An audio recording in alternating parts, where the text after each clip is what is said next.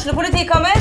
Ine Jansen er purk. Er du purk? The motherfucking bitch. Alt jeg vil, er å finne ut hva som skjedde med mannen min. Jon Carew, Er jeg sikta for noe? Iben Akeli, Det er du. Ole So, Lars Berrum og Big Daddy Karsten. Hvem sin side er du på, egentlig? Anette Hoff, Tone Danielsen, Kommer du fra Afrika?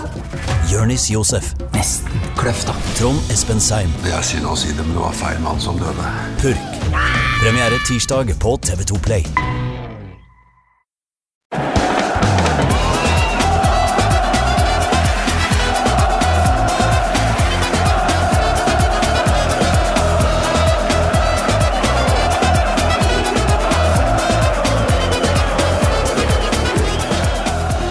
Og velkommen til en ny episode av Pyro og Pivo. De våkne lytterne fikk sikkert med seg at forrige uke så satt Arve Gjelseth og jeg i forskjellige byer eh, her i landet. Jeg er da Morten Galaasen. Eh, Jeg sitter eh, et helt annet sted enn denne ukas gjest også. Sindre Myhre, velkommen skal du være. Jo, tusen hjertelig takk, Morten. Det er ære å være med i Pyro Pivo, må jeg si. Ja, Ære å ha deg med også. Det er første gang for deg. Det er det, og målet mitt er å bli, ja, være med like mye som Marius Selgo har vært med. Ja, ja.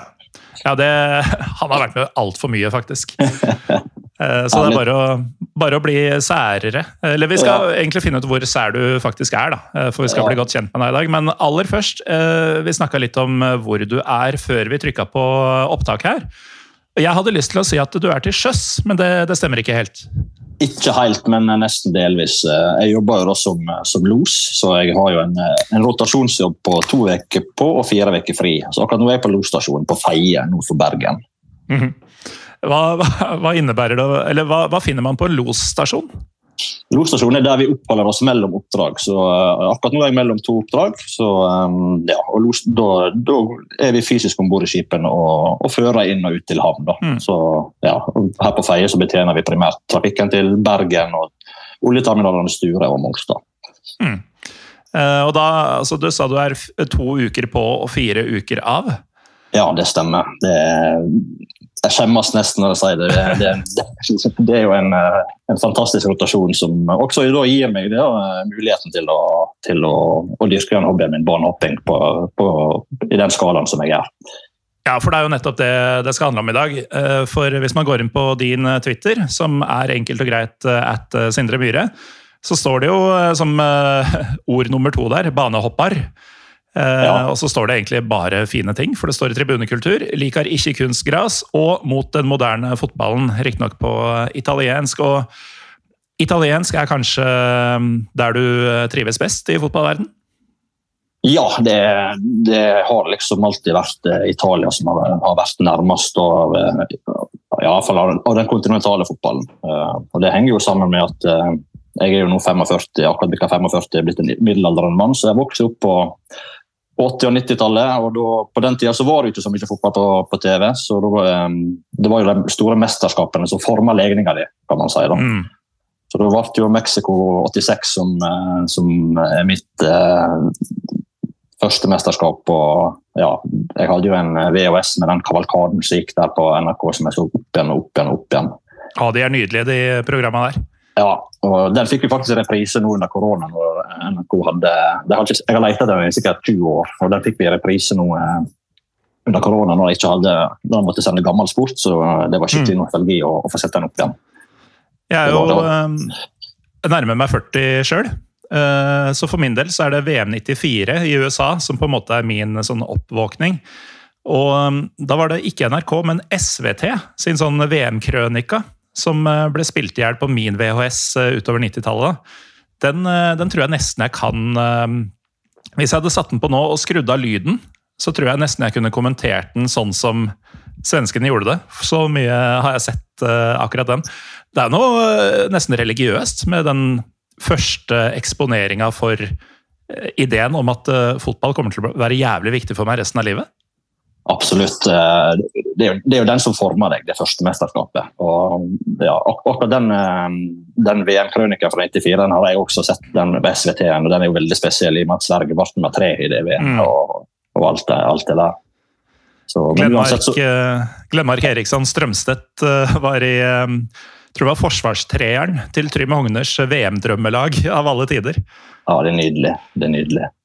Um, de spiller jo en stor rolle i, um, i sluttscenene på akkurat den uh, krønikaen der.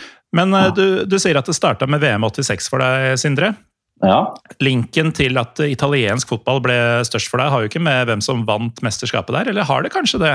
Det har, det har jo selvsagt det, vet du. Så, ja. det, det, var jo da Man ble forma der, det var, det var, Maradona. Men alle profilene på den tida de spilte jo i, i Serie A Italia. Så har jo da de to påfølgende mesterskapet, EM i Tyskland i 88, der Nederland vant. Får jo trioen fra Nederland for til Milan. og så VM i 90 det var jo da arrangert i Italia. Så vi hadde tyskerne som da var i Inter på den tida. Og, ja. Men eh, tilbake til 86 da, så hadde man jo selvfølgelig Maradona i Napoli, og så mm. var jo Careca i Napoli, og så var Platinia var i Juventus, Preben Elcher var i Verona. Hans Petter Breger på Tyskland var i Verona. Du hadde alle, ja, Majoriteten av de største profilene befant seg i Italia og Serie A. Så da var jo den eh, ja, den, det store høydepunktet i veka utover og det var jo uh, å få sett uh, Sportsrevyen i opptak, for det gikk så seint at jeg fikk ikke lov å se den. Om det skulle komme noen innslag fra, fra, Italia og Serie A, og det var det som oftest. Mm. Så kom jo 90-tallet med TV3, som hadde ja. rettighetene. Og de ble forvalta på den måten. Og dette er helt sjukt, tror jeg, for uh, unge fotballfans i dag, som har strømmetjenestene som viser alle kamper fra alle ligaer osv. Men den gang så var det sånn at TV3 på søndager eh, sendte én kamp i tretida. 15.00 blank, det var, det var fast. Ja, og det kunne like gjerne være Verona Sampdoria som eh, Milan Juventus. Altså, Visst kunne det det. Måtte ikke være en toppkamp, det. Så... Husker det.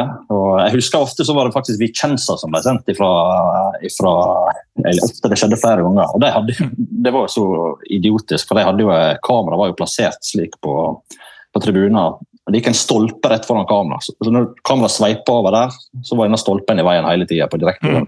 TV. Så, ja. ja. det, var, det var tider. Mm. Det var tider. Ikke noe var eller noe som helst. Nei. nei. Um, men uh, vi skal jo gå videre til altså Grunnen til at du er med i dag, er at du akkurat har kommet hjem fra en uh, det du på Twitter kalte oval uh, helg. Det, ja. det, er jo et uttrykk man kan bruke bredt, skal vi, skal vi se på. Men før vi kommer dit, Sindre, du sier jo du har, du har en veldig gunstig arbeidssituasjon for en som liker å drive med banehopping. Mm -hmm. um, du har drevet med det lenge med en kompisgjeng. Har du noen høydepunkter fra tidligere turer som du vil trekke frem? Å oh, ja, det er mange. Der er veldig mange. Jeg tror kanskje aller største høydepunktet eh, vi har hatt på disse barnehoppturene våre, det var eh, Da skal vi tilbake til desember 2018. Eh, da var vi i Benevento på stadion Ciro Vigorito. Og Da så vi Benevento mot Milan i en, mm. i en formiddagskamp, lunsjkamp, på, på søndag. Det er 12. kamp i Italia. Og det var jo da Benevento hadde tatt null poeng. Det var kommet til desember, hadde null poeng. Eh, mm. Gattuso akkurat blitt trener for Milan. og Milan ville 2-1. Det var langt ut på overtida og rett nedfor der eh, vi sto på det høyde med 60 meter. og eh, Da fikk Benevente et frispark, og så kommer da keeperen til Benevente opp, Alberto Brignoli. Og da får vi da et innlegg, så han hoppa opp og stonga i mål. Mm. Det, det var, da tok det fullstendig av, og det var en episk opplevelse, rett og slett. Benevento husker jeg mm, Jeg ser jo på mm, italiensk fotball med litt mer sånn eh, distanse eh, enn det du gjør. Men Benevento husker jeg var et kult lag, fordi de har denne heksa i logoen. Stemmer. Og, og um, ligger vel et godt stykke sør, som um, for balkanentusiaster som meg ofte er ensbetydende med at her er det litt, uh, litt galskap. Ja, det er det. Det, det er jo en, det er, det er en passion i Sør-Italia som er er helt fantastisk. Det er det. Mm. Er det sånn at uh, du reiser rundt i uh, fortrinnsvis Italia da, på disse turene dine og ovale helgene og sånn, og ser litt sånn hva som helst og har like stor glede av alt, eller er det sånn at du har softspots og favorittlag der nede også? Ja, det er jo en kombinasjon, da. Det er jo det. Eh, det er jo, det er jo I og med at det, jeg ble forma av Mexico VM 86, så er det jo naturlig at det er jo, det er jo Napoli som er mitt softspot-lag i, i, Italia. Det, det, er jo blitt mange etter hvert, men det er jo Napoli som er, mm. som er nummer én. Jeg kan ikke skryte på meg at jeg eh, følte like lidenskapelig rundt årtusenskiftet når de var bråten rygg og lå nede i, mm. Eh, i Serie C. Men uh, første, gang, første, gang, jeg var på gamle Stadio San Paolo, det var i 2010, så da ble det jo litt sånn revitalisert. Da var det jo uh, mm. Lavetzi, Hamsik og Cavani som herja på, ja. på, Napoli. Så ja. Etter Marcio på bekken? Det stemmer. Mm. Ja, og Paolo Cannavaro og ja.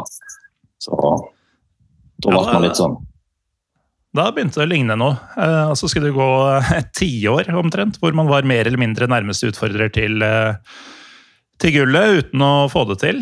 Og så mm, er det jo først etter å ha kvitta seg med flesteparten av de som kom nærme flere ganger, at man faktisk lyktes da, i våres. Ja. Hvordan var det for deg? Jo, det var en utrolig spesiell sesong i fjor. da. Det, det, har, det som du sier, det har jo vært veldig nære på eh, egentlig over, utover hele 2010-tallet. og Spesielt eh, den sesongen da Kolibali stanga inn 1-0 eh, på tampen på Juventus Stadium der. og Nå trodde, trodde man at nå blir det seriegull, men El Scudetto. Mm. Men så var det jo klassisk Napoli. De havarerte i neste kamp mot Fiorentina. Det, ja. det, er jo en mentalitet som, eh, som aldri slår feil. Men, eh, de, men de har spilt utrolig mye, mye fin fotball eh, de siste ti-tolv årene. og Det har vært veldig kjekt mm. å se på. og Genererer enormt med målsjanser. Utrolig ineffektivt lag. Mm. De burde hatt mye mer mål enn det de har. Ja, og det selv med altså Man har jo alltid hatt denne spydspissen, om det har vært Kavani eller Higuain eller nå uh, Ossimen. Uh, mm. Det spiller liksom ingen rolle hvor god spiss man har. Man, uh, man brenner og brenner og brenner. Ja, Det er utrolig ineffektivt lag. og Ikke for å snakke om alle straffene de bommer på. Du får jo ikke puls engang når Napoli får straffe, for det er jo knapt nok en halvsjanse. Det er helt utrolig. Det er det. Men jeg, jeg, fikk inntrykk eh, forrige sesong, og har egentlig hatt over mange år, at uh, det er veldig mange som syns det er lett å like Napoli. Altså av folk som ikke holder med andre lag, da, selvfølgelig. Ja. Men uh, at det er så mye ved den klubben som, uh, som det er lett å sette pris på. Um, hvordan var det egentlig det ble Napoli for deg? Altså Maradona og, og medvind, selvfølgelig, i ung alder. Men ja. uh, du har jo kommet ned dit på, for første gang og opplevd at det kanskje er litt, uh, litt røft i gatene og sånn, eller du, er det bare kos? Eh, nei, altså Napoli er jo Napoli er jo, Der er mye fattigdom, mye kriminalitet og alt som følger med det der. da. Så Spesielt i, rundt sentralstasjonen og i sentrale strøk så, så er det jo det å ja, man skal jo passe på lomme, lommeboka si der, for å si det sånn. Mm. Det skal man. Så første gang, jeg, første gang, jeg var der, som sagt, det var i 2010, og nå har jeg vært der noen ganger. Så så ble jo to besøk denne turen her da, på, mm. i Napoli. Det ble Napoli Real Madrid og Napoli mot Fiorentina. Så, men nå hadde vi også en tur ute i jeg vet ikke om jeg har sett den God morgen-serien. som, eh, som ja. Handler om mafiaen der? Handler om mafiaen her. Den er jo spilt inn i, inn i Skampia-bydelen, som er, ja, det er vel en det rett ut, eh, veldig belasta eh, bydel eh, med noen veldig ikoniske bygninger. Ja. Eh, sånn, sånn pyramidesegl som eh, er kulissene i den serien. Eh, veldig sånn karakteristisk. Så vi måtte en tur ut der som turister. Mm. vi hadde leiebil. Til en spesielt belasta bydel i Napoli. Napoli, ja. Så vi måtte ut der og ta bilde, selvfølgelig. Men det er jo litt sånn eh, litt vond smak i munnen å være turist der ute i den elendigheten som er der. Så vi var ute der, og ja, det er akkurat som vi ser det. Er, du ser at det der er, det er kriminalitet og, og, rus og elendighet som, som, er der ute. Ja. Så det, i Napoli er det mye sånn. Mm. Og fra kriminalitet og rus og elendighet så skal vi ta en titt på denne siste turen din. Eh, denne ovale helga, som du kalte ja. det på, på Twitter. Mm -hmm. Jeg har hørt uttrykket oval helg eh, før, men jeg tror ikke det egentlig defineres som åtte dager på rad med fotball? Nei, det er jo Iallfall en ganske romslig definisjon, da. Ja, det, det, kan man si. Det er jo det. Du la jo ut dette ja. Ehm, I eh, Skal vi se. Nå har jeg ikke datoen eh, rett foran meg, men eh, det er jo et par uker siden. Der, ja. 2. oktober 2023. Ja, da la du ut en liste over hvilke kamper du skulle se. Um, det er rett og slett kamp mandag, tirsdag, onsdag, torsdag, fredag, lørdag, søndag. Da er det to kamper, og én kamp på mandag. Ja. God planlegging må til, kanskje? Ja, vi, er vi, vi, er fire kamerater som sagt, som har holdt på med disse turene til Italia nå siden 2007. Mm. Um, nå var det litt sånn til og fra alt dette som, uh, som livssituasjonen endrer seg uh, hos den enkelte. Så det er ikke alle så det som har vært med de siste årene, selvfølgelig. Nå er jo jeg den uh, velsigna situasjonen at jeg ikke har noen andre enn meg sjøl å ta hensyn til, om man kan si det sånn. så, um, så vi er blitt vanvittig gode på logistikk, for å si det rett ut. Det er såpass må vi skryte at det er tror ikke et reiseselskap i verden som skulle klart å lage, lagt opp en bedre kabal enn det vi, vi har fått til. Men vi er blitt uh, veldig rutinerte med alle disse årene vi har holdt på. da. Så, Ja, um, det, det tror jeg på, for det er når jeg ser Vi skal komme inn på hvilke kamper og byer du var i, men Um, første jeg ser, er jo at det er litt sånn uh, nord, sør, opp og ned, uh, kryss og tvers, en tur ut av Italia. Ehm, det er liksom ikke, det er ikke en rundreise dere har lagt opp her. Nei, eh, det er ikke det. Men ja, når, vi, når vi planlegger disse turene våre, så Nå hadde jeg tre dager alene på den turen her før det, Anfinn kom med sønnen sin, sønnen sin Rolf. Da. Han har hatt med seg sønnen de tre siste årene. så Mm. Han å bli, han blir 15 år, begynt å bli en driftig banehopper og godt kjent i Italia. Mm. Så eh, eh, det vi alltid tenker på når vi planlegger disse turene, det er Vi prøver alltid å få med oss eh, nye stadioner. Det begynner, jo- begynner etter hvert å begrense seg. Da, at Vi har jo prøvd å være mest av det som er i Italia snart. Og så prøver jeg alltid å få med mest mulig kamper, og selvfølgelig de Ja, det er jo enkelte kamper som frister mer enn andre. Mm. Så det er hele tida sånn kompromisset der da, for å finne det mest optimale. Ikke sant? Ja. Og denne gangen så starta det optimale med Du sa du var der allerede på fredag, men eh, programmet starter eh, mandag. Nei, jeg kom, ankom Italia på mandag. Ja, ok. Ja, Så Ja. det er eh, siste helga der eh, Ja. at du fikk besøk av Ja, ok. Ja, det er Torsdag kom de. Han, han Ja. er jo romanist, romanister, så det var jo rett på Olympico for å se, se Roma. Da henger jeg med. Men ok, du ankommer mandag, og um, mandagskampen er eh, Fiorentina Cagliari. Ja. Um, hvor flyr du når du skal til Firenze? Eh, Du fyker til Firenze, eh, vanligvis. Nå hadde jeg ikke bestemt meg for hva kamp jeg skulle ha mandagen, for det sto mellom tre kamper. Så jeg føk til Milano. Jeg ankom Milano tidlig, og så For jeg hadde ikke helt spikra programmet utover. for at så, så jeg måtte ha det å sjonglere mellom. Så ble det Fiorentina. Men det er jo ikke eh, å reise med tog i Italia er jo fantastisk lettvint, og det går fort. Ja, og det, ja, det, er helt, eh, det er relativt rimelig, og det, ja, det er 300 km i timen. Du flytter deg fort fra Milano til Firenze. Servering og Ja da, det, er- det helt, helt eh, nydelig. Mm. Så da fikk jeg til Milano og tok meg ned til Firenze. og ja, hadde meg da et, et billig hotell et, ved siden av stadionet og togstasjonen eh, ute kampen kamper som ble eh, ute ved Artemio Franchi, stadion til Fiorentina. Så var det da kveldskamp der, Fiorentina Cagliari. 3-0 til Fiorentina. Og Fiorentina er jo inne i en god steam nå, absolutt. eh, Med ja, Nico Gonzalo har funnet formen, og den nye up and coming Cayode eh, blir jo spennende å følge med på. mm. Han Ja, hadde jo, og vi var jo litt inne på det at Napoli har litt sånn her, Det er mange som sympatiserer med dem. Jeg vet ikke hvor mange blodfans de har her til lands, men veldig mange ønsker jo Napoli vel. Og jeg, vil jo tenke at det samme gjelder Fiorentina. Altså Det er noe med både navnet, draktene, eh, minner for min generasjon, da, med Rui Costa, Batistuta og sånn. ja, Um, og så er det Firenze by med, med ryktet den har, og ikke minst eh, et ikonisk, må man kunne si, stadion.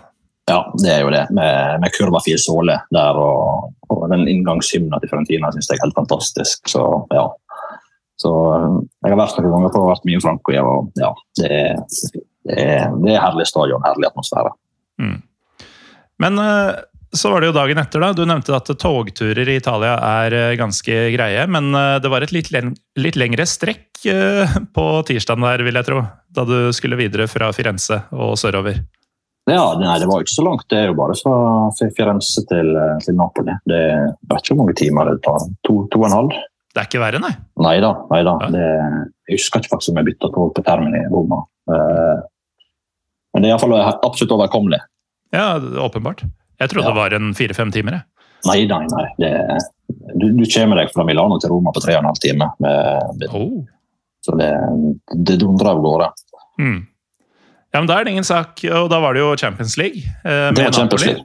Mm. Jeg skal jo faktisk eh, se Napoli i Champions League eh, om en uke fra i dag. Eh, Mot Union Berlin, selvsagt. Stemmer.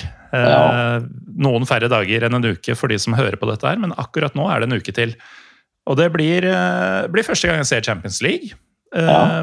I det hele tatt. Det blir første Mhm. gang jeg ser Union i Champions League, selvfølgelig. Det blir første gang jeg ser Union som hjemmelag på Olympiastadion, og det blir første gang jeg ser Napoli. Så det blir en, eh, det blir en god tirsdag kveld, eh, tror jeg. Ja.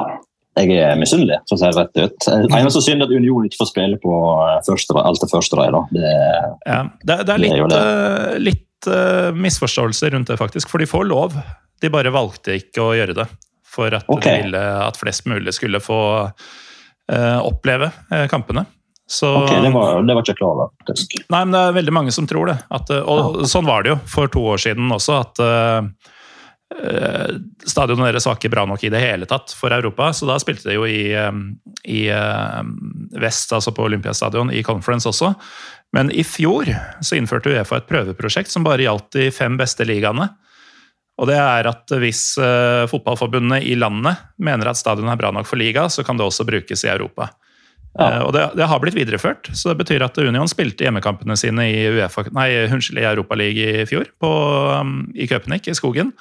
Men eh, har da halvkontroversielt, men godtatt av de fleste, i hvert fall Union-supportere, være for Herta, eh, å spille hjemmekampene i, um, i vest for å få inn flere folk, rett og slett, denne sesongen. Så Ja. Ideelt sett så hadde de spilt uh, ordentlig på hjemmebane, men da hadde jeg antagelig ikke fått billett, så jeg, jeg er glad til akkurat nå. Nei, Da har du den som slår igjen, ja. Så det, nei, den uh, Heimekamp med Union det, det henger høyt på bucketlista mi. Det, det gjør det. Ja, det, Den, den må plukkes. det anbefales varmt, eh, på samme måte som du sikkert kan si det samme om min eh, drøm om å se Napoli på hjemmebane. Mhm. Men i hvert fall, eh, du, du så Napoli på hjemmebane i Champions League mot Real Madrid. Det er ikke småtteri. Det er ikke småtteri. Det, det er første gang jeg ser eh, Champions League eh, i Napoli. Så jeg har jo, jeg har jo gleda meg veldig til å høre den, det berømte brølet ute i for- forrige grotta. Da, som eh, det hadde vel en viss rekord med. Jeg husker ikke desibel det var for et par år siden. Og fordi at når hymnen går på slutten, så brøler jo hele stadion 'Champions'. og Da, da røyser hånden seg, altså. Og det, det var heftig. Det var det. Selv om de aller fleste lagene som er i Champions League, ikke er champions. Så det er jo en litt merkelig eh, tradisjon, det der. Men eh, Ja. Napoli de hadde rett eh, til å gjøre det denne gangen. Denne gangen hadde de rett, ja. Det hadde de. til å gjøre det. Åssen var det?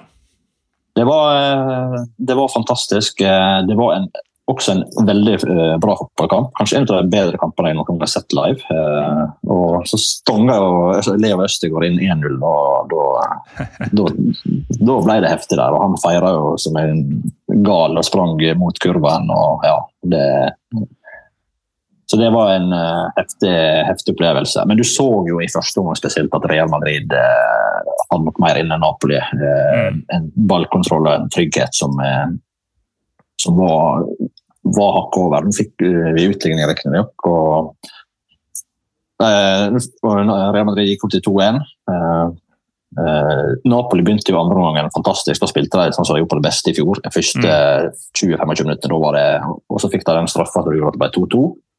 Eh, og så ble det da 3-2 til, til Real Madrid til slutt. Så, men det var alltid, alltid en, eh, en heftig fotballkamp. En intens fotballkamp. Rett og slett en god opplevelse. Selv om det ble tapt. Det tror jeg på. Og um, man lever jo i en tid hvor man uh, sier at uh, klasseforskjellene på lag Altså fotballen blir stadig tettere og jevnere, da. Uh, og Ja. det vises jo litt. Nå har vi jo, er vi jo midt inne i en landslagspause mens vi snakker. og Se sånn som Luxembourg for eksempel, er nå i en slags posisjon til å nesten kunne ta en topp to-plassering i sin gruppe. altså Ting har endra seg veldig. Ja, Men, men så sier du det at du opplever at den so, altså, suverene seriemesteren fra Serie A i fjor ehm, er store deler av kampen på en måte spillemessig underlegne. At du ser at de andre er ganske mye bedre. i alle fall i første, i alle fall i første omgang. Ja, altså Ja. Tenk de aller, aller beste laga aller beste spillerne. Hvor sinnssykt gode de er i fotball. Ja, det er, det er ekstremt, rett og slett. Mm. Jeg, jeg ser jo mye Eliteserien, og man ler jo litt av uh, ja, i mitt tilfelle Lillestrøm sine reserver og sånn, hvor ræva de er, liksom. Men, jeg går litt, mye Eliteserien. Mm. Men altså, jeg har jo jeg har spilt løkkefotball med folk som var for dårlige for femtedivisjon, og de er jo 60 ganger bedre enn meg, ikke sant? Mm. Så det er De eliteseriespillerne er relativt gode eh, når alt kommer til alt. Napoli er jævlig gode, og Real Madrid er bare enda bedre enn det igjen. Det er, ja. Eh, det er vanskelig å forestille seg, egentlig, at eh, det ja. nivået eksisterer. Ja, og det klasseskillet der, det, det kommer til å vare evig, dessverre. Du klarer aldri å jevne ut igjen. Det moderne fotballen har jo blitt sånn at det, mm. det, blir, det blir, det blir blitt ekstreme skillnader. Men åssen er det Napoli er jo en, som vi var litt inne på, en, en ganske tøff by. Jeg vil jo mm tro at det ikke er alle som har råd til å dra på Champions League og sånn, men stemninga på denne kampen, var den Skilte den seg nå fra en vanlig seriekamp, f.eks.?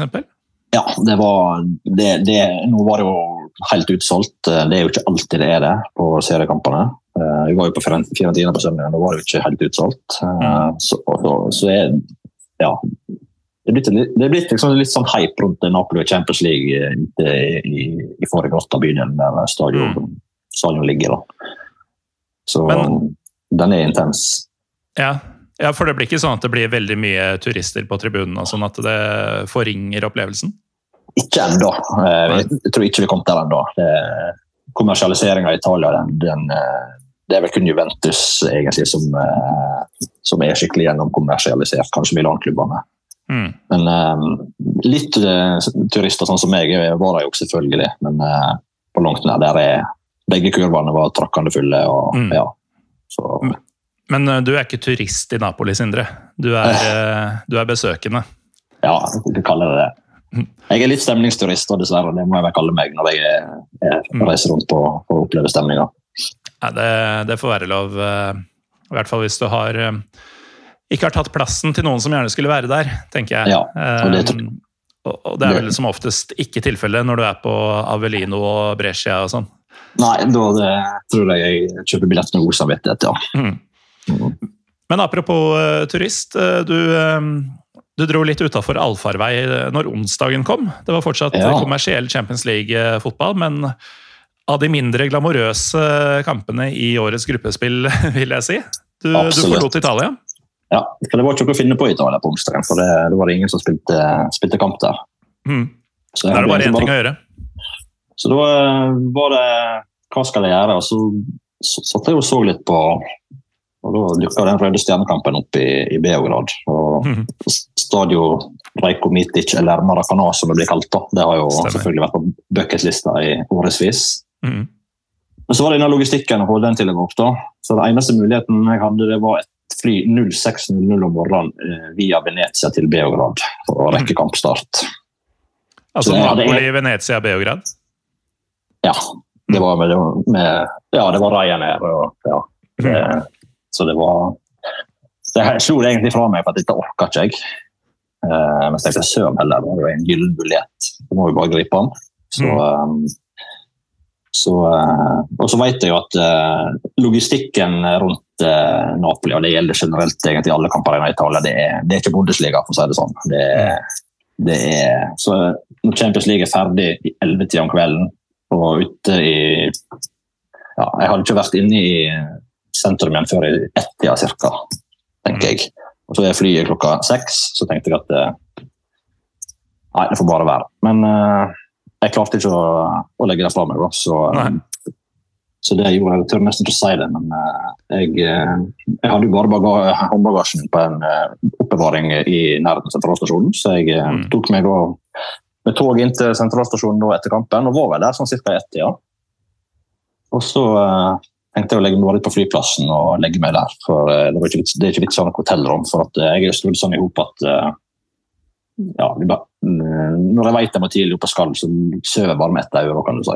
Jeg liker å mm. komme meg i posisjon. Ja, ikke sant. Så, så da ble det Beograd? Ja, så da ble det Beograd. Så da reiste jeg ut på flyplassen, tenkte jeg skulle legge meg på flyplassen. Det jeg ikke har tatt med beregninga, den var selvfølgelig stengt på natta. Det ikke, mm. men det var jo ikke bare jeg som hadde den tanken. for det var sikkert 100 stykker spanjoler fra Madrid, Real Madrid-fans som hadde akkurat det samme. Så hadde tidlig fly, så det var jo tåka fullt utfor der. Mhm. Så jeg bare trakka meg litt bort for eh, flyplassen. og fant meg en benk og la meg ned på der et par timer. Så var det jo boarding litt før fem, da. Eller i femtida. Så, det var- så det var jo ikke akkurat noe, det er ikke akkurat kvalitet og komfort på alle disse turene. Si. Men det her var jo det mest ekstreme, kanskje. Ja. Nei, det er veldig sånn vagabond-preg over det. Ja. Jeg har jo hatt noen eh, turer eh, østover i verden, jeg også. Og um, da får man ikke alltid de mest eh, mest behagelige over altså flybyttene.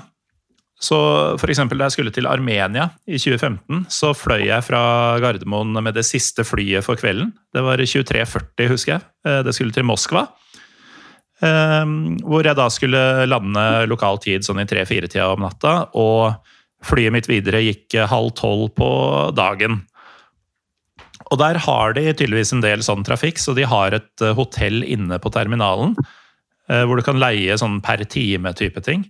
Ja. Eh, Men det var selvfølgelig fullt, så da ble det også litt sånn der, eh, legge seg på gulvet et sted og bruke sekken som pute fordi alle benkene var opptatt, og så eh, prøve å finne seg en benk litt seinere. Mye sånne ting. Og jeg merker at den gang så var jeg eh, 31, vel. Jeg var for gammel for det allerede da. Men åssen er det for deg å ta en, ta en par timer på benken midt på natta utafor en flyplass?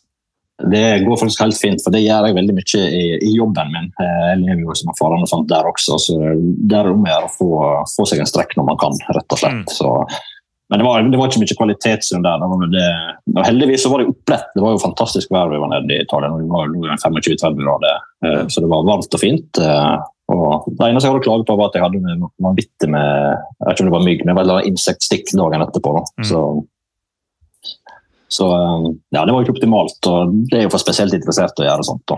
Ja. Det er jo det. Ja, det er det jo. Eh, Var det også Ryanair begge flyvningene, eller? Altså, Eh, nei, det var Ryanair til Venezia, og så var det Air Serbia heter det. Air Serbia til, eh, ja. Men det er jo sånn, det er, det, er alltid billigste flybillett, eller toilet class, som jeg kaller det, som gjelder. På, Mm. på, på, på fly og hotell så er det alltid billigst måte vi, vi reiser på. ja. Og da kommer du deg jo til eh, Serbia. Hadde du vært der før? Aldri vært i Serbia før. Så da tar man selvfølgelig sånn dagstur dit. Ja, altså eh, Skulle selvfølgelig vært lenger og plukka med seg mer kamper, men nå ble det sånn den gangen her. da. Mm. Så det var det var, det til Serbia, og der hadde jeg hotellrom, selvfølgelig. Så når jeg kom dit, Mm. eh, var vel der i ett-tida inne i Beograd, så da hadde jeg meg en god strekk. Ja. For, eh, mm. Ja, for den, eh, den kampen gikk godt ut på kvelden, den òg. Det var ni kamp på kvelden. Mm. Røde Stjerne Young Boys. Ja. Og her kommer det en eh, litt pussig greie, fordi sist jeg så kamp i, eh, i Beograd, da var bortelaget Young Boys. Men, hjemme, men hjemmelaget var Partisan, Ah, ok. så nære på. Nære på, ja. Eh, Jeg har da vært på Partisan stadion to ganger, men aldri sett kamp eh, hos Røde Stjerne. Og i likhet med deg eh, har den på lista mi, for å si det pent. Mm. Um, før vi kommer til kampen, så på et tidspunkt våkner du vel og ser deg litt rundt i BH-grad, eller ble det ikke tid til det? Jo da, det ble det. Jeg kom i kontakt med en på Twitter som hadde en eh, som heter Anders Aune. Han er trønder eh, og bor i Beograd og skulle på kampen. Så eh, Ja han, han var jeg og traff da eh, før kampen, og vi var da hadde oss eh, en bedre middag og et par pivo da før vi, Mm. før vi dro på kamp. Ja, sånn skal det være. Ble det noe Ja. rakia også, eller? Nei, det ble ikke det. Nei, kanskje Ikke det. like greit. Grappans onde onkel, kaller Ja, han jeg den. Jeg veit hva det er. ja, ikke sant. Men stadionet her er jo jævlig fett på, Ja, på noen måter. Det er jo gravd ned i, i en skråning. Mm. Så, så man eh, kommer jo dit og tenker sånn Åssen i helvete er det plass til et 50 000 eh, moderne Eller moderne er det ikke, da, men et 50 000 stadion eh, i dette nabolaget? Men det får de til. Ja. Uh, det ser jo ikke ut som noe stadion når du kommer, når du kommer fra utsida, rett og slett. Det ser ut som bare ja, en halvhøy, ja, halvhøy mur, egentlig. Ja, det er det. Ja. Uh, hvor, hvor fullt Ja. Og så har du den der legendariske spillertunnelen som kommer fra treningsanlegget. Det, Mm. Som går under hele og kommer, der du kommer ut på stadion. Ja. Ja, det, det er en video folk bør eh, søke opp på, på YouTube. Det er eh, fryktelig nytende. Ja. Um, men uansett, eh, du kommer deg på kamp. Eh, Var det vanskelig å få billetter, forresten? Ja, her måtte jeg dessverre ty til eh, det som jeg hater å gjøre. Jeg måtte bruke en sånn annenhånds, annenhåndssalgsplattform. eh, Og kjøpte da eh, Det var har, I nødstilfelle av og til så må man det. Eh, Jeg hater å gjøre det, bruke Viagogo og Ticket 365 og leie fotballticket og det der, men jeg gjorde det den gangen her, for jeg, jeg ville sikre meg billett. Mm. Men det sa han Anders, at eh, det hadde vært helt unødvendig. For han, det var ikke helt utsolgt, faktisk. Så han hadde, han hadde bare kjøpt gjennom klubben. På, men jeg sendte jo mail til klubben og prøvde gjennom uh, hjemmesida ja, Mm. 14 dager i forkant uten å få noen respons. Og man vil jo ha på plass kampbilletten før man tar turen. Ja, det er klart det. Ja, så, jeg Um, fikk, eh, så jeg fikk fin eh, midt på langsida. Der, der fikk jeg en, eh, en, eh, en fin plass. Av eh, både gammel og nylig erfaring, så um, disse Beograd-klubbene er ikke gode til å svare på mail. Det- Nei, jeg fikk aldri noen respons. Eller telefon eller WhatsApp-meldinger.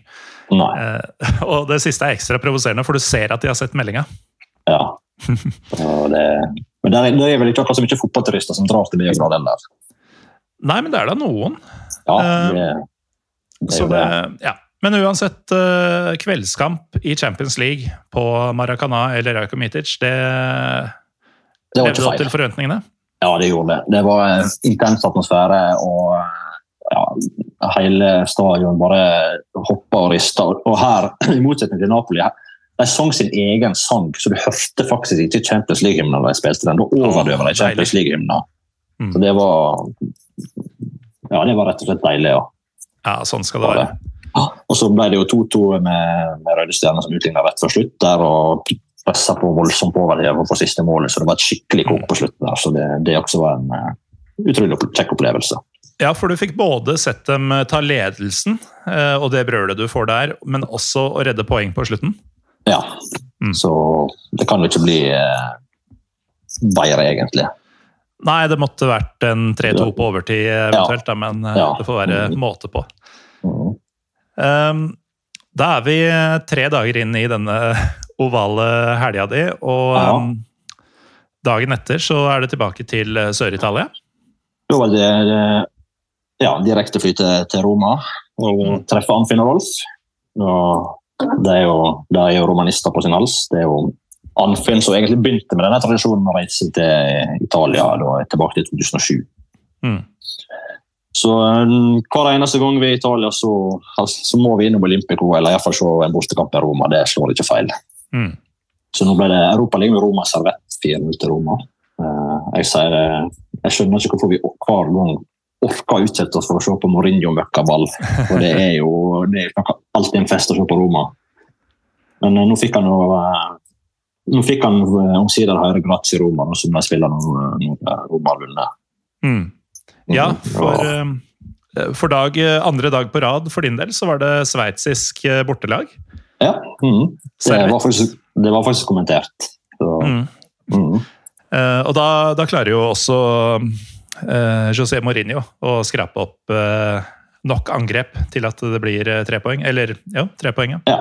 Mm, det, men jeg må jo si at denne Olymp Jeg er veldig glad i Olympico i Roma. Da. Det, den halvtimen eh, å sitte på Olympico i Roma når Roma spiller hjemme og De har jo er tre av de vakreste hymnene som er i fotballverden. Det begynner med Forza, Forza Lupi og Mai Sola Mai og Roma, Roma, Roma. Eh, Ja. Den halvtimen. Å bygge opp stemninga der, eh, det, ja, det blir jeg aldri lei ut av.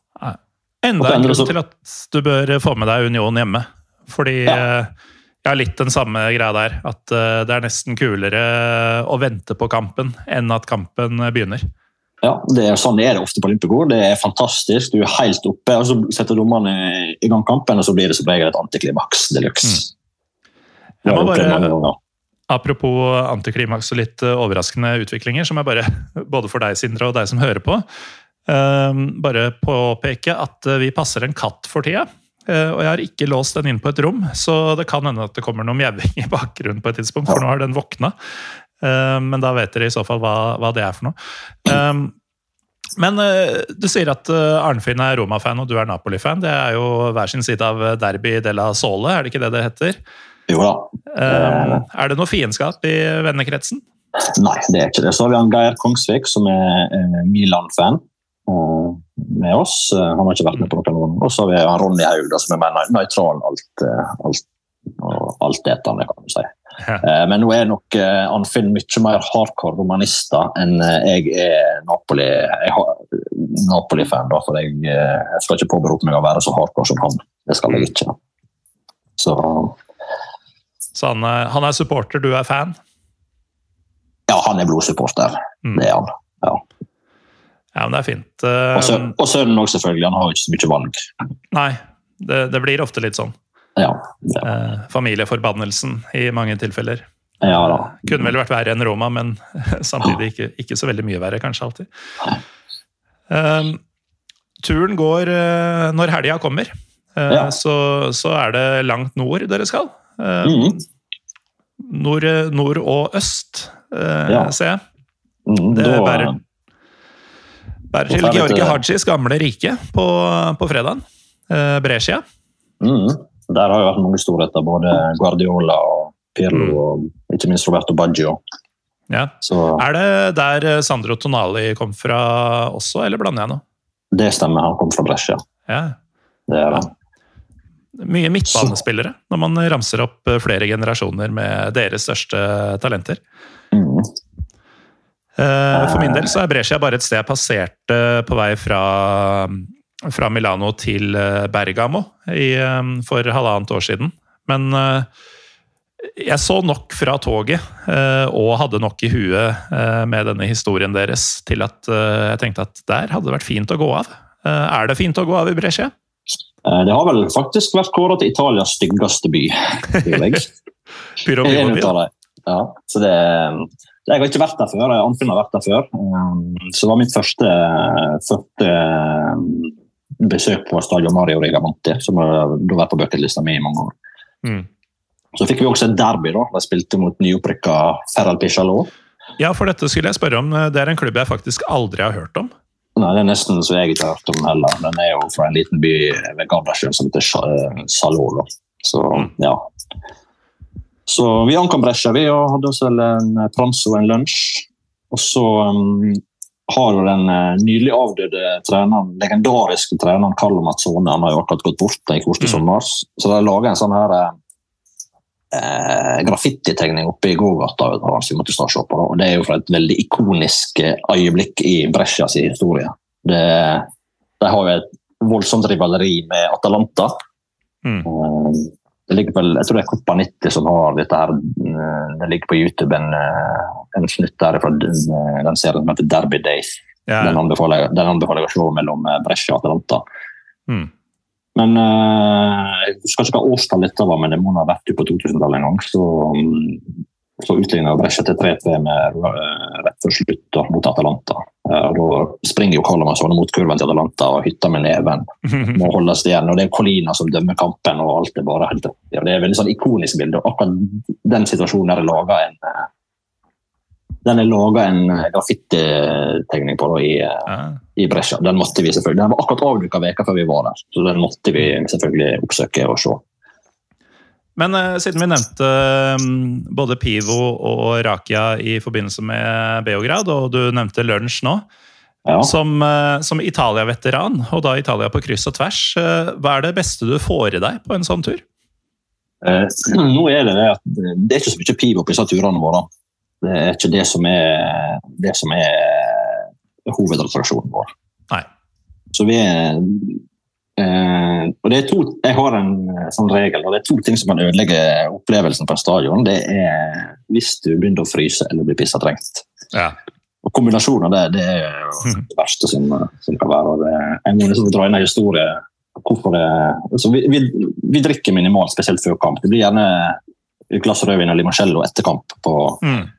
Middagen. Men jeg har en traumatisk eh, opplevelse som jeg har tatt med meg hele livet. Nå vil jeg faktisk dra fram den. Det er skal vi tilbake 16. mai 1993 på Aspmyra stadion i Bodø.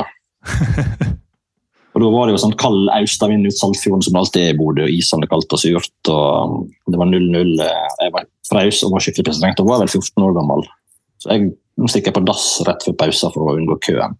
Mm. Og, så, og som alle husker, så skårte Åsmund Bjørkan 1-0-mål rett før pause der. Og da hørte jeg bare jubelbrøl fra toalettet. Etter det så er jeg forbannet på at aldri skal stikke på toalettet i løpet av en kamp igjen. da. Ja. Så det- Ja, det, ja. det er en såkalt uh, struggle som er real, som Det- uh, engelskmennene sier. Ja, det er det. Det er det. Så Ofte Nei, så det det- jo, henger det jo sammen også. At man, blir, man fryser jo mer jo mer pissetrengt man blir. Definitivt. Så, så Såpass mye fotball har jeg sett og vært på både lokalt hjemme og alt. at eh, jeg vet Mm. hvordan det. Det, da, da forringer man opplevelsen, syns jeg. da. Ja. Jeg er litt enig med deg, men, mm -hmm. men samtidig det er, eh, Jeg merker jo at det er en risiko jeg stadig tar og, Ja, og, og lider for. Du er ikke alene med den, da. Så Men, Men, eh, men det var drikke, eller fravær Ja. av drikke. Mhm. Spising. spising, da er vi er i Italia, så det, det sier seg sjøl. Det blir jo det blir jo mye bestekker og, og, og pasta og lokale varianter, selvfølgelig. Mm. Så det, det er jo et, et mekka er du interessert i å lage mat. Ja, jeg har jo um, har en sånn greie om at jeg aldri går på italiensk restaurant eh, i andre land, med mindre det er eh, altså Kroatia, Albania, Malta, sånne land med veldig tette bånd til Italia. Da. I hvert Mhm. fall kulinarisk og delvis kulturelt. Um, men i, det er jo veldig lite som slår en ordentlig god pasta, en ordentlig god pizza, de type tinga. Og jeg spiser vel, og nå blir det veldig mainstream og veldig lite pyro og pivo her, men jeg tror nesten aldri jeg spiser bedre på en tur enn når jeg er i Italia. Sånn jevnt over. Nei, det, det, det kan jeg forstå. Det, så det, ja, maten er fantastisk. Det, det er ikke annet å si. Nei, det er det ikke. Og, rød, og rødvin er fantastisk. Mm. Ja.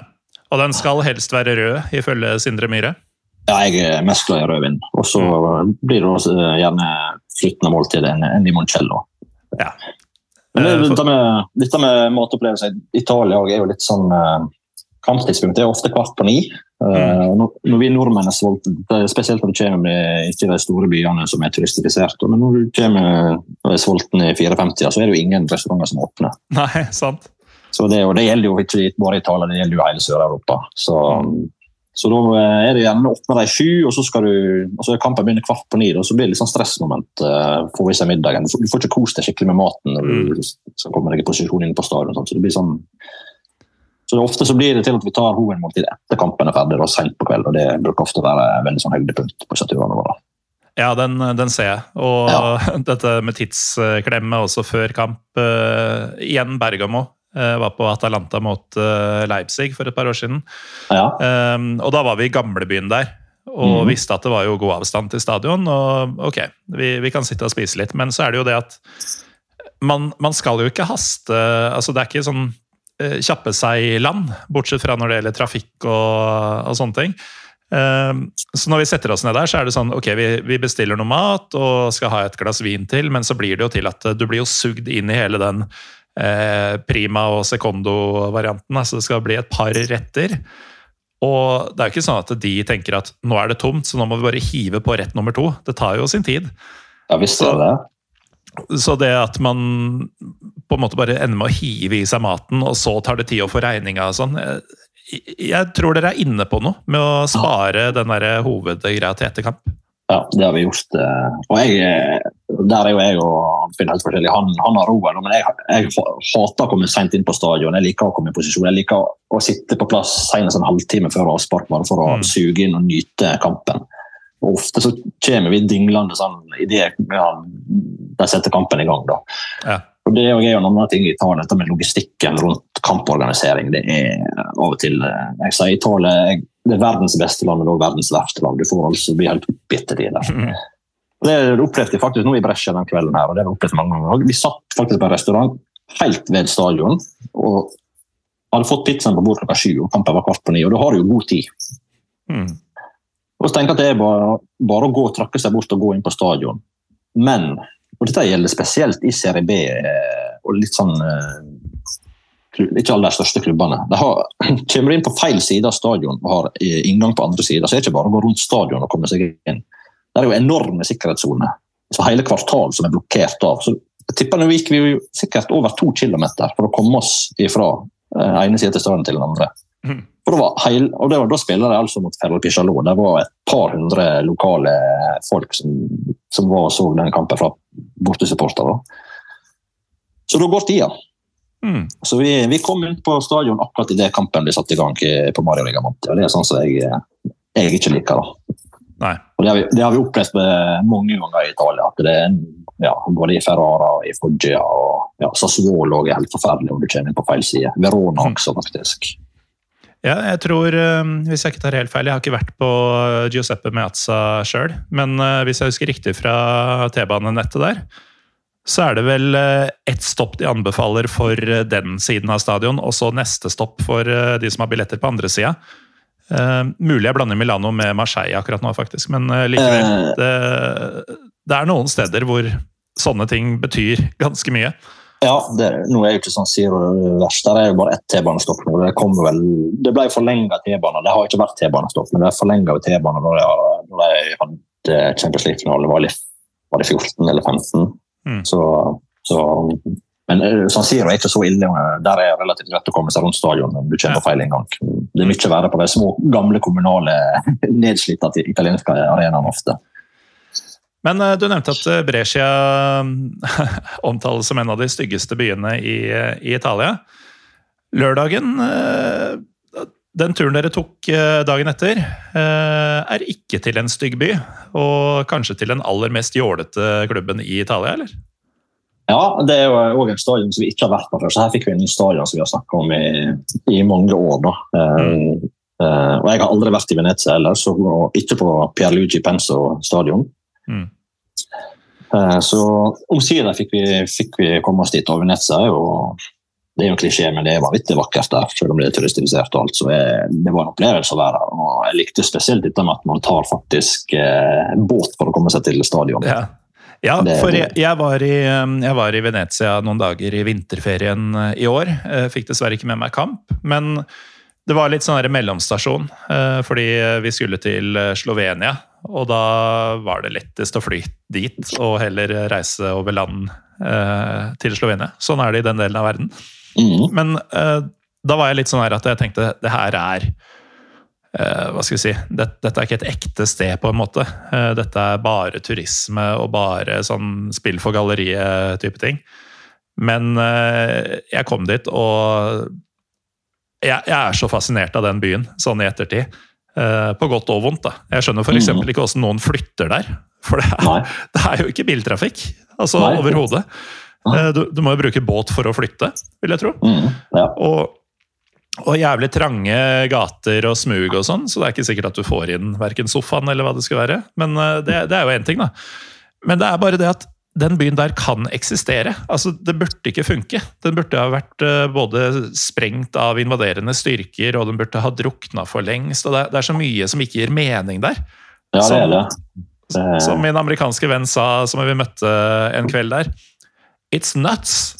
Altså, det er bare galskap at noen Ja. i det hele tatt har bygd en by der. og at uh, Jeg skjønner heller ikke hvordan man får plass til et stadion, men det har jo du sett med egne øyne at, at går an. da. Ja da, det, det var Den ligger helt uh, sør og øst på øya der, da. Mm. Så du tar båt utover, og ja, det var ja, klassisk kommunal italiensk stadion, ikke topp moderne. og ja, Veldig bra stemning. Det var jo toppoppgjør, Venezia-Parma. Ja. Det, det er veldig sånn TV3 på 90-tallet-oppgjør. Absolutt. absolutt. Og 3-2 seier til hjemmelaget og toppstemning. Og, Ja. en, det, var, ja, det var rett og slett en kjempedag. Vi, vi satt der og koste oss i shorts og T-skjorte. Det gjorde vi forresten hele veka. Vi var der nede. Mm. Så det var en kjempedag og en opplevelse. og ja. Eh, Her kom vi jo i kontakt med noen lokale på båten som lurte på hvorfor vi var der. og nordmenn som skulle til fra kamp. Så her ble det faktisk Pivo før kamp. da. Så vi måtte være med på, være med på, på pub. Mm. Ja, og eh, når man er et hvilket som helst sted i verden, så er det jo litt sånn her eh, Det hadde vært digg å finne et sted med, med uteservering, og da gjerne utsikt til noe vann og sånn. Det er jo omtrent vanskelig å unngå i Venezia. Mm. Det, Så tipper at det var, eh, det var en hyggelig pivo. Ja, det var det. det, var det. Og, ja. og det var utrolig artig å være på den båten. Jeg vet ikke hvor mye folk som var på den båten, men kanskje en 100 stykker, kanskje knappe 100. Og Mm. De gikk jo i skytteltrafikk. og det var vel nesten en halvtime, tenker jeg, fra den båtturen ut til stadion. Så ja. Det er jo en del artige videoer med tilreisende fans som uh, kjører bluss og pyro på, på disse båtene på vei til stadion. Ja, det er litt sånn de gjør i Tyrkia. På vei Ja. fra kontinent til kontinent for å dra på Mm. derby. Mm. Eh, sånt er gøy. Ja. Men eh, nok Nord-Italia for denne gang, fordi eh, søndagen Du sa at lørdag i Venezia var en kjempedag, men Ja. gud bedre for en søndag dere hadde lagt opp til? Ja, det var den intense dagen. Og vi har jo ofte på disse turene våre så har vi jo to, to kamper på dagen når det logistikken tilsier det. Mm. Så, det, så her var det tidlig opp og komme seg på et tog eh, sørover. Eh, Så hoppa vi av i Frosinone, som hadde heimekamp mot Verona klokka tre. Dette er sånn Ja. Roma-Forstad-opplegg, er det ikke? Jo, det, det, det ligger vel ja, et stykke sør og øst for Roma. eh, Midt mellom Roma og Napoli, kan du kanskje si. Ja, ok. Så der har vi jo vært før, da, på Stadio Benito Stirpe. Vi, vi, fikk dessverre aldri oppleve gamle stadion Matusa, som eh, lå knekt ned på så, Det så ut som omtrent det var bare knekt ned på en italiensk piazza midt mellom noen boligblokker. Eh, nye, nye Benito Stirpe den ble bygd det var vel 2017, tror jeg. Mm. Det har vi vært før. Men der òg, det er jo italiensk logistikk på sitt aller verste. Det, det er så hjelpeløst. Så vi kom dit, eh, og der var jo ikke noe plass å oppbevare bagasjen på eh, togstasjonen. Så måtte vi begynne å forhandle med hun som drev kiosken der, hun ville ikke ha den. og så Anfinn snakka flytende italiensk og er flink til å selge oss inn. At vi kommer fra Norge for å få oss noen, så han fikk snakka med de som jobba på Tren Italia der, at vi fikk eh, hive bagasjen inn på kontoret deres etter, etter kamp. eh, fire timer. Mm. Det er sånn logistikk som vi alltid har eh, problemer med, kan du si. Ja, og det, det er jo en sånn uh, klassiker i Italia, uh, og for så vidt Sør-Europa og deler av Øst-Europa uh, generelt. Men når du sier italiensk logistikk på sitt aller verste, da tenker jeg da er det lavt servicenivå. ja, det, det, det er tilrettelegginga som er så hjelpeløs. sånn. Mm. Barcelona er jo et prakteksempel på en av de verste klubbene. Sist jeg var der, det var, var vel i 2018. Jeg, samler, jeg kjøper alltid heimedrakter til, eh, til eh, heimelaget som jeg ser. Har- samler jo på drakter, så jeg skulle jo ha meg en Frosinone-drakt. Da skjønner jeg hvorfor du flyr og bor så billig som mulig.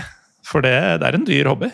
Det er en dyr hobby, ja, for nå, er- og i hvert fall nå jeg synes det blir bare verre og verre. Det eskalerer jo bare disse prisene. Så, um, men uansett, da, dette var en ny stadion, og her, det, er jo- det er så lite kommersialisert og tilrettelagt for å tjene penger så du kan få det. Den der eh, fanshoppen til Frosinone den lå da på eh, ene langsida på stadion, men den lå innafor eh, for gaten, kan du si. Sånn, så Mm. når du ikke kom inn du var på stadion og ikke kom inn på den sida, så kom du ikke deg inn på supporterstolen. Det det er jo så hjelpeløst. som det bare kan Vi var der i god tid for en gangs skyld, ca. to timer før kamp. og, og Det var sånn fem meter å gå inn forbi gaten til inn på, på shoppen der. Um. Og prøvde å forhandle med han som sto i luka, at han kunne følge oss inn og kjøpe dra drakta for mye. Det var ikke snakk om. Vi kom etter kampen var slutt, men da hadde ikke vi tid til den gangen, for da skulle vi på Roma Inter den gangen. Mm. Og spurte om han kunne gå og kjøpe drakta til meg. Det var heller uaktuelt. Så til slutt så måtte vi bare høre med folk som gikk inn der, om det var noen som var villig til å gå inn. Så jeg måtte bare gi dem penger inn og kjøpe drakta. Så jeg har et ikonisk bilde. at uh, Til slutt så kom en hyggelig italiener. Jeg ga han penger, han gikk inn, handla drakta, og så leverer han til meg over gjerdet. kan du si. Hmm. Så det, det, er jo, det er jo italiensk kommersialisering på sitt aller verste. Altså, Empoli, eksempel, der har vært på kamp, skulle kjøpe drakt. Det søndag, det er kamp. Eh, De har fans på stadion. Kommer dit, men den, den er stengt, for det er søndag. Det, det er jo bare Italia som går an. Mm. Det er helt utrolig. Og Frosinone, det er ny stadion. Eh, ganske grei, men det er mye stillas, eh, det òg. Eh, sånn klassisk italiensk. Det er ikke noe infrastruktur rundt som er tilrettelagt. Du må sp- spasere fra togstasjonen opp. Det er ikke noe det er ikke noe laga til, noe sånn shortcuts eller noe sånt, så du går faktisk langs en motorvei. Og Det er jo masse tilreisende fans som kommer dit for å komme seg på stadion. Men den, eh, den logistikken og greia med, med fanshoppen der, eh, minner meg om eh, Du nevnte Air Serbia i stad. Ja. Jeg fløy dem hjem fra Albania i sommer. Og hadde tenkt å kose meg med litt mat og sånn på flyet. De gir da beskjed i stikk Altså totalt motsetning fra, fra alle flyselskaper i hele verden. Vi tar kun cash, vi tar ikke kort. ja. Um, og da blir det jo sånn, vi, vi har jo ikke noe cash på oss. Vi har litt grann, eh, lokale penger fra Albania, men det kommer vi ingen vei med. Så det blir til at eh, jeg går rundt og prøver å se, eller høre, altså prøve å finne ut om det er noen andre nordmenn på flyet. da, Og det skal jo til Oslo, så det er ikke helt uh, usannsynlig. Jeg finner et sånn halvgammelt ektepar, sikkert sånn 60 år gamle. Ser at hun ene leser en norsk bok. Og det, dette var så flaut, men det måtte til. Jeg spør rett og slett om de har noen euro eh, på seg. Eh, om jeg da kan vippse dem ved landing, eh, hvis jeg kunne få f.eks. 20 euro, da, så vi kan kjøpe noe mat og drikke på flyet. Eh, det gikk jo, men eh, tenk at man havner i sånne situasjoner i 2023, som jeg gjorde på det flyet, og som du gjorde på Frosinone. Ja, det er, jo, det er jo helt nydelig, egentlig. Da. For Det er jo det mm. som krydrer historiene. og Det er jo sånt man husker. Selv om ja. frustrasjonen er jo stor, stor, der og da, selvfølgelig. Det føles unødvendig, men ja, det, eh, i ettertid så er man jo for så vidt glad det skjedde. Ja, da, på litt sånn mm. merkelig vis. Men uh, nå nærmer det seg slutten. Dere måtte haste videre fordi dere skulle på kamp uh, etter Frosinone. Uh, ja. Gjenbruk av stadion på samme tur, Sindre. Og til og med gjenbruk av det ene eller begge lagene. Ja, det, sånn blir det av og til. Det, Napoli-Fiorentina? Da var det ned, togbuss videre ned til Napoli. og det, Nå hadde vi et hotellrom ute i Førregrotta ved siden av stadion. mm. Heiv oss inn der, og så var det inn på stadion og se Napoli-Fiorentina. Ja. Kveldskamp i, Det var en kamp som jeg hadde store forhåpninger til, og kanskje den jeg gleder meg mest til egentlig hele, hele turen. Det tror jeg på. Så, ja, eh, så fra mitt ståsted ble det litt sånn antiklimaks. For eh, det lugga for Napoli for tida, syns jeg. Og det syns jeg det egentlig det, det gjorde slutten av vårsesongen. når det var i vanskelig dette nå. Det, det, sitter ikke sånn som det gjør på det beste. Da. Så, og han Kajode som jeg nevnte da, på Fiorentina, han hadde jo full kontroll på Kvarasjelia hele kampen. og Det var en masse mm. kamp fra Fiorentina. Det var veldig imponerende. Så det var fullt fortjent 3-1-seier til, til Fiorentina. Ja, for de endte med å vinne i Napoli? Ja, og, eh, og, og eh, Fiorentina er litt sånn kryptonitt for Napoli. Det har alltid vært eh, ja, det, det er et lag som Napoli har slitt med. Mm. Uansett hvor håpløse de er. Altså, vi var inne på at Napoli var eh, et stykke ned i divisjonene for eh, noen tiår tilbake. Ehm, det var jo litt av en reise Fiorentina hadde rundt årtusenskiftet også. Da de ja. gikk konk og begynte på nytt i eh, var det serie C2 eller noe sånt. Det, men dette er jo en evig italiensk tradisjon for oss i alle fall. Det er hver, mm. hver eneste sommer så er det en haug med gamle, tradisjonsrike klubber som bare blir ja, viska vekk og må mm. starte på nytt, enten i serie D eller eksellenser. Og, ja, noen kommer jo aldri tilbake igjen. Altså, Kievo, for eksempel, en, eh, en, klubb som alltid har vært der, spesielt siste årene, den er jo borte vekk nå. og ja, Du har uh, Varese og ja, det er mange klubber mm. som, er, som må reboote. da. Ja. Uh, Fiorentina sin, sin, reboot den, den, gikk vel under et annet navn i starten også. For de hadde ikke ja. rettighetene til navnet sitt de første om det var et år eller et par år. Ja, det stemmer det. Og det er, jo, det er også veldig vanlig at de må begynne opp under et nytt navn, og så må de bygge seg opp før de eh, til slutt får tilbake eh, mm. det opprinnelige navnet. Det er, det er klassisk italiensk, eh, rett og slett. Ja. Den ovale helga på åtte dager den skulle avsluttes på mandag. Med to klubber jeg ikke veit noen ting om. Avelino mot Potenza. Mm. Var det et potent oppgjør?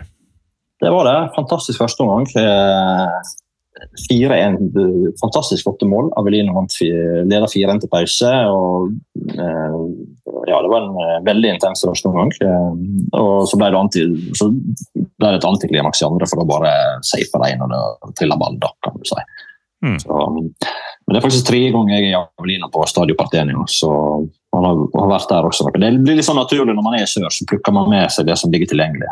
Så ja, ja Avelino har vært de har jo hatt veldig berykta på kurven sin og veldig gode fans. Mm. Ja, men Det er jo alt man trenger, det. Det er det. Så det er, er du stemningsturist, så vil jeg anbefale en tur til Avelin. Det var ikke akkurat det mest eh, kok på den kampen jeg var på nå, da. Så, så, men det var, det, var, ja, det var, en grei opplevelse. Mm. Ja. Og med det så var um, åttedagers uh, Calcio-turen med et uh, snitt av uh, Serbia kommet til veis ende. Hva, du hadde sett for deg Napoli i Fiorentina som høydepunktet på forhånd. Hva, hva, var høydepunktet til slutt? Jeg tror jeg vil si Venezia-Palma, eller hele dagen i Venezia. ja, var høydepunktet. Det, det var en ja, hele hele opplevelsen, alt rundt kampen. og ja, I og med at vi har hatt den på lista vår så lenge, så, så, um, så ble det som ja, det vil jeg si var høydepunktet på, på turen. Og nå er du jo i gang med en uh, arbeidsperiode igjen. Men jeg tipper ja. at du allerede er i gang med å se på muligheter for neste eh, reiseprosjekt, eller? Ja da, jeg har allerede bestilt. Det blir, det blir ei oval helg på seks dager. Det blir Nederland-Belgia i desember. Ah. Ja. Eh, jeg har jo da jeg har jo da slekt i Bodø som jeg har reist med noen, noen Glimt har her i, i, Europa. Så jeg mm. har jo sett en del Glimt-kamper gjennom mitt, eh, mitt lille onkel og søskenbarn som bor der oppe. Som, som, jeg har reist en del med dem også. Så det blir borte, bortekamper mot Brygge da, før jul. og Da må jeg ha et par kamper både før og etter, selvfølgelig. Selvfølgelig. Har du vært ja. i Brygge før? Aldri vært i Belgia, så det blir et nytt land. Så, ja.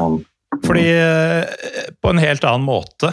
Jeg har vært i Belgia, men jeg har ikke sett kamp i Belgia. Ja, riktig. Ja. For eh, Brugge er på mange måter eh, Det er jo ikke en like utrolig by som, som det Venezia er. Og den minner ikke om Venezia, men det er fortsatt et sted som du skulle tro var mer et filmsett fra mm. en av disse hva er det etter, Nøttene til Askepott-filmene eller noe sånt. Helt okay. surrealistisk sted. I hvert fall gamlebyen mm. der. Og 70% av byen er jo gamleby. Så ja. det kan du glede deg til. Mm. Ja, jeg gleder meg alltid. Det, det, er jo det man har Pandemien var jo helt forferdelig for min del. for da, mm. da hadde man ikke noe å glede seg til. og Det er alltid glede med å planlegge og, og se fram til neste tur, som er, det er jo halvparten av gleden. kan du si. Ja, ja, og det, det, er et godt poeng, fordi vi har jo vokst opp eh, for noen tiår tilbake begge to, og sikkert hørt fra foreldre og andre sånn det å glede seg er egentlig enda bedre enn det å få det. Gjerne når man maser om uh, vi skal åpne gaver snart på julaften og sånn. ikke sant? Nei, Du må mm. bare glede deg litt til. Uh, og jeg skjønte det nok ordentlig under pandemien, hvor mye det å ha noe å glede seg til betyr. Fordi ja. hverdagen uh, blir bare bedre av å vite at det finnes et eller annet i enden der. Jeg visste jeg det. det. Det var det verste med pandemien, det å ikke ha noe å se fram til. Og mm. For min del så var det selvfølgelig fotball og og komme seg på tur og på stadion igjen. Jeg er enig. Og det å ikke vite når det tok slutt og mm -hmm. Nei, det var ganske håpløse dager i perioder der. Altså. Men vi kom gjennom det, og nå er det mulig med ovale helger igjen. Ja da, absolutt. Så, og bucketlista er uendelig lang. Den, ja. Eh, ja, det, ja, det, ble ikke noe kortere under pandemien. Nei, det ble den slett ikke. Men eh, apropos denne bucketlista di, har du noen eh, som virkelig stikker seg ut som ikke har vært nevnt? eller? Av ting du virkelig drømmer om å få til? Ja, eh, det har jeg. Ja, jeg vet ikke hvor jeg skal begynne. Jeg, jeg, du, blir vel, du har regnet med å sett litt på fotballraceren som Erik Niva ja. Men, ja, og hun eh, Linn Nordstrøm. Så jeg, og det har jeg før jeg så den, men jeg har vanvittig lyst til Casablanca i Marokko og se derby yeah. mellom Rasha og Vidad på Stad Mohammed. Mm. Det, det, henger høyt. Hvordan det er å få til det i praksis, vet jeg jo ikke. Og det henger høyt. Og jeg har også lyst tilbake til, eh, til Beograd for det evige derby mellom Partisan og Røde Stjerne. Nå skulle jo faktisk Niva på det her eh, for, for en måneds tid siden. Det ble jo kansellert pga. det som skjedde i Kosovo. Ja, jeg var så, i samme situasjon. Det var jo, da, da, jeg nevnte en nylig tur til Beograd, så var det den samme Skulle du på den? Mm. Skulle du på derbyet? Skulle på det, men ja, uh, det ble jo heller mat- og drikketur, og ja, ikke så mye ja. annet. Ja, ok. Ja vel. Mm. Nei, og så har jeg jo lyst tilbake til Sør-Amerika. Jeg var jo i Buenos Aires for noen år siden på rundreise der nede. Det er jo, det er jo en klisjé at uh, man må oppleve atmosfære i Argentina, men det, ja, det, det er jo definitivt det største jeg har opplevd uh, stemningsmessig. Det er Bocca og La Bombonera. Det er mm. ingenting som kan måle seg med. altså. Og det trenger ikke å være River Plate på andre sida. Det kan være hvem Nei, som helst. Vi, vi, vi, så imot Independiente, da, og det mm. koket som var på stadion før der. Ja, det var helt vanvittig. Eh, også en, en elendig 0-0-kamp med så stereotypt eh, latinsk som kan få det, med lavt tempo, masse feil og haling av tid. Og, men eh, stemninga var helt vanvittig. Ja. Så har jeg veldig lyst til Rosario og se derby der. Jeg var, ikke minst på andre sida av fjorden, der Montevideo og Uruguay er en klassiker mellom Penarol og Nasjonal, så bucketlista er uendelig. Jeg har heller, heller ikke vært i Tyrkia, Morten. Det, det er Istanbul òg henger høyt på lista, selvfølgelig. Ja, men det, det er en dagstur fra, fra Palermo, det, vet du. Så. ja. Men det er ett stadion i Italia som vi har snakka om i årevis som ennå ikke har blitt lukka. Det er Bari. San Nicola i Bari. Mm. Det, det, det passer seg liksom aldri. Og Det ligger jo litt sånn keitete til, da, for hvis du skal plukke mye stadion og mye kamper, så må man kompromisse. Ja, det er sant. Du kan riktignok, uh, du som er glad i å fly, fly billig um, Jeg vet at Wizz Air de flyr til Bari. Ikke direkte fra Norge, riktignok, men du kan kjøpe enkelttur til f.eks. Warszawa. Og så ja. en ny enkelttur der. Jeg skjønner ikke hva som kan gå gærent. Nei, Gjør de det på vinteren òg, eller? Eh, ja, det, faktisk. Eller ja, eh, ja det, det, er jeg ikke helt sikker på. Um, Nei, det, er en, det er ikke en rute jeg har kikka veldig mye på, men jeg har faktisk gjort eh, den én gang. Men det var, det var, på sommeren. For ofte disse turene der, eh, det er jo sånne sommerturer som vi ikke bruker å gå på vinteren. Sånn, mm. slike turer. Mm. Men vi har vært i, i, Søre, i, i Puglia og sett kamp. Vi har vært både i Foggia og i, i Lecce, som ligger enda lenger sør og sett kamp. Mm. Men, uh, Bari er jo i serie B og serie, ja, kamp, kamptiden i Italia det er jo et kapittel for seg selv. Det er jo ikke snakk om offentliggjøre det før uh, så sent som mulig inn mot, uh, mot uh, avspark. Det er jo ikke tilrettelagt i det hele tatt. Nei, nei, det haster ikke for dem, vet du. Nei, og Det samme med billettsalget. det er jo ja, Vi kjøpte for oss noen billetter der. Kampen var søndag. Jeg tror vi kjøpte, billettene ble lagt ut torsdagen eller fredagen. To-tre dager igjen. Sånt. Så det, det billettangst, det, det, har jeg hatt mye av opp gjennom årene. Ja, og Ikke nødvendigvis for at det skal bli fullt, men bare sånn Hvordan får man tak i billett? Ja, Hvem selger? Hvor? Når? Mm. Mm. Tar, de, tar, de, kort? Italia ja, det er jo det i Italia etter hvert. Ja, det er bare på Air Serbia sine flyvninger de ikke gjør det. Ja. Men uh, uansett, uh, Sindre Myhre, takk for at du var med og delte uh, både om banehopperinteressen og sånn generelt, men også om denne vanvittige turen du har hatt nå nylig. Um, gleder meg til å Altså, folk må jo bare følge deg, fordi Én ting er at du, du, har inspirerende turer, men når du er på turen også, så legger du ut både bilder og videoer av alle kampene. Så man er jo på en måte, om ikke med deg, så får man fulgt deg på veien. Og jeg merker jo sjøl, jeg har sett altfor lite fotball i Italia. Ja, det, må, det anbefales. Det er, det er, noe med italiensk fotball, eller calcio, og det er jo ikke bare fotball. Man, man bør jo faktisk lese calcio-boka av John Foot. Uh, ja, den er tjukk. Den er tjukk, den er obligatorisk, men det er en fantastisk bok. Det. Om alt som omhandler kulturen rundt fotball i Italia. Og Det er politikk og det er alt mulig som er blanda inn. Første gang jeg møtte. Rolf Otto Eriksen, så hadde han med seg den boka i bagen sin. Sånn, ja. Jeg fikk jo da inntrykk av at den har han med seg overalt. Ja, det, det er obligatorisk pensum, det. Mm. Men uansett, takk for at du var med. Jeg vet at du har et eh, losoppdrag om ikke så altfor lenge, så vi får nesten prøve å runde av. Stemmer. Tusen hjertelig takk for meg, Morten. Er veldig hyggelig å bli invitert. Ja, veldig ciao. hyggelig at du kunne. Ciao, ciao. Og til deg som ciao, hører på Til deg som hører på, så um, heter jeg fortsatt Morten Galaasen. Vi er fortsatt Pyro Pivopod på Twitter og Instagram. Og vi er mulig å støtte med litt cash på patrion.com slash pyropivopod. Dersom du gjør det, så får du ingenting tilbake, men uh, du får en varm tanke idet jeg får uh, notification om at uh, vi har fått en ny donor. uansett, takk for at du hører på. Vi er tilbake neste uke.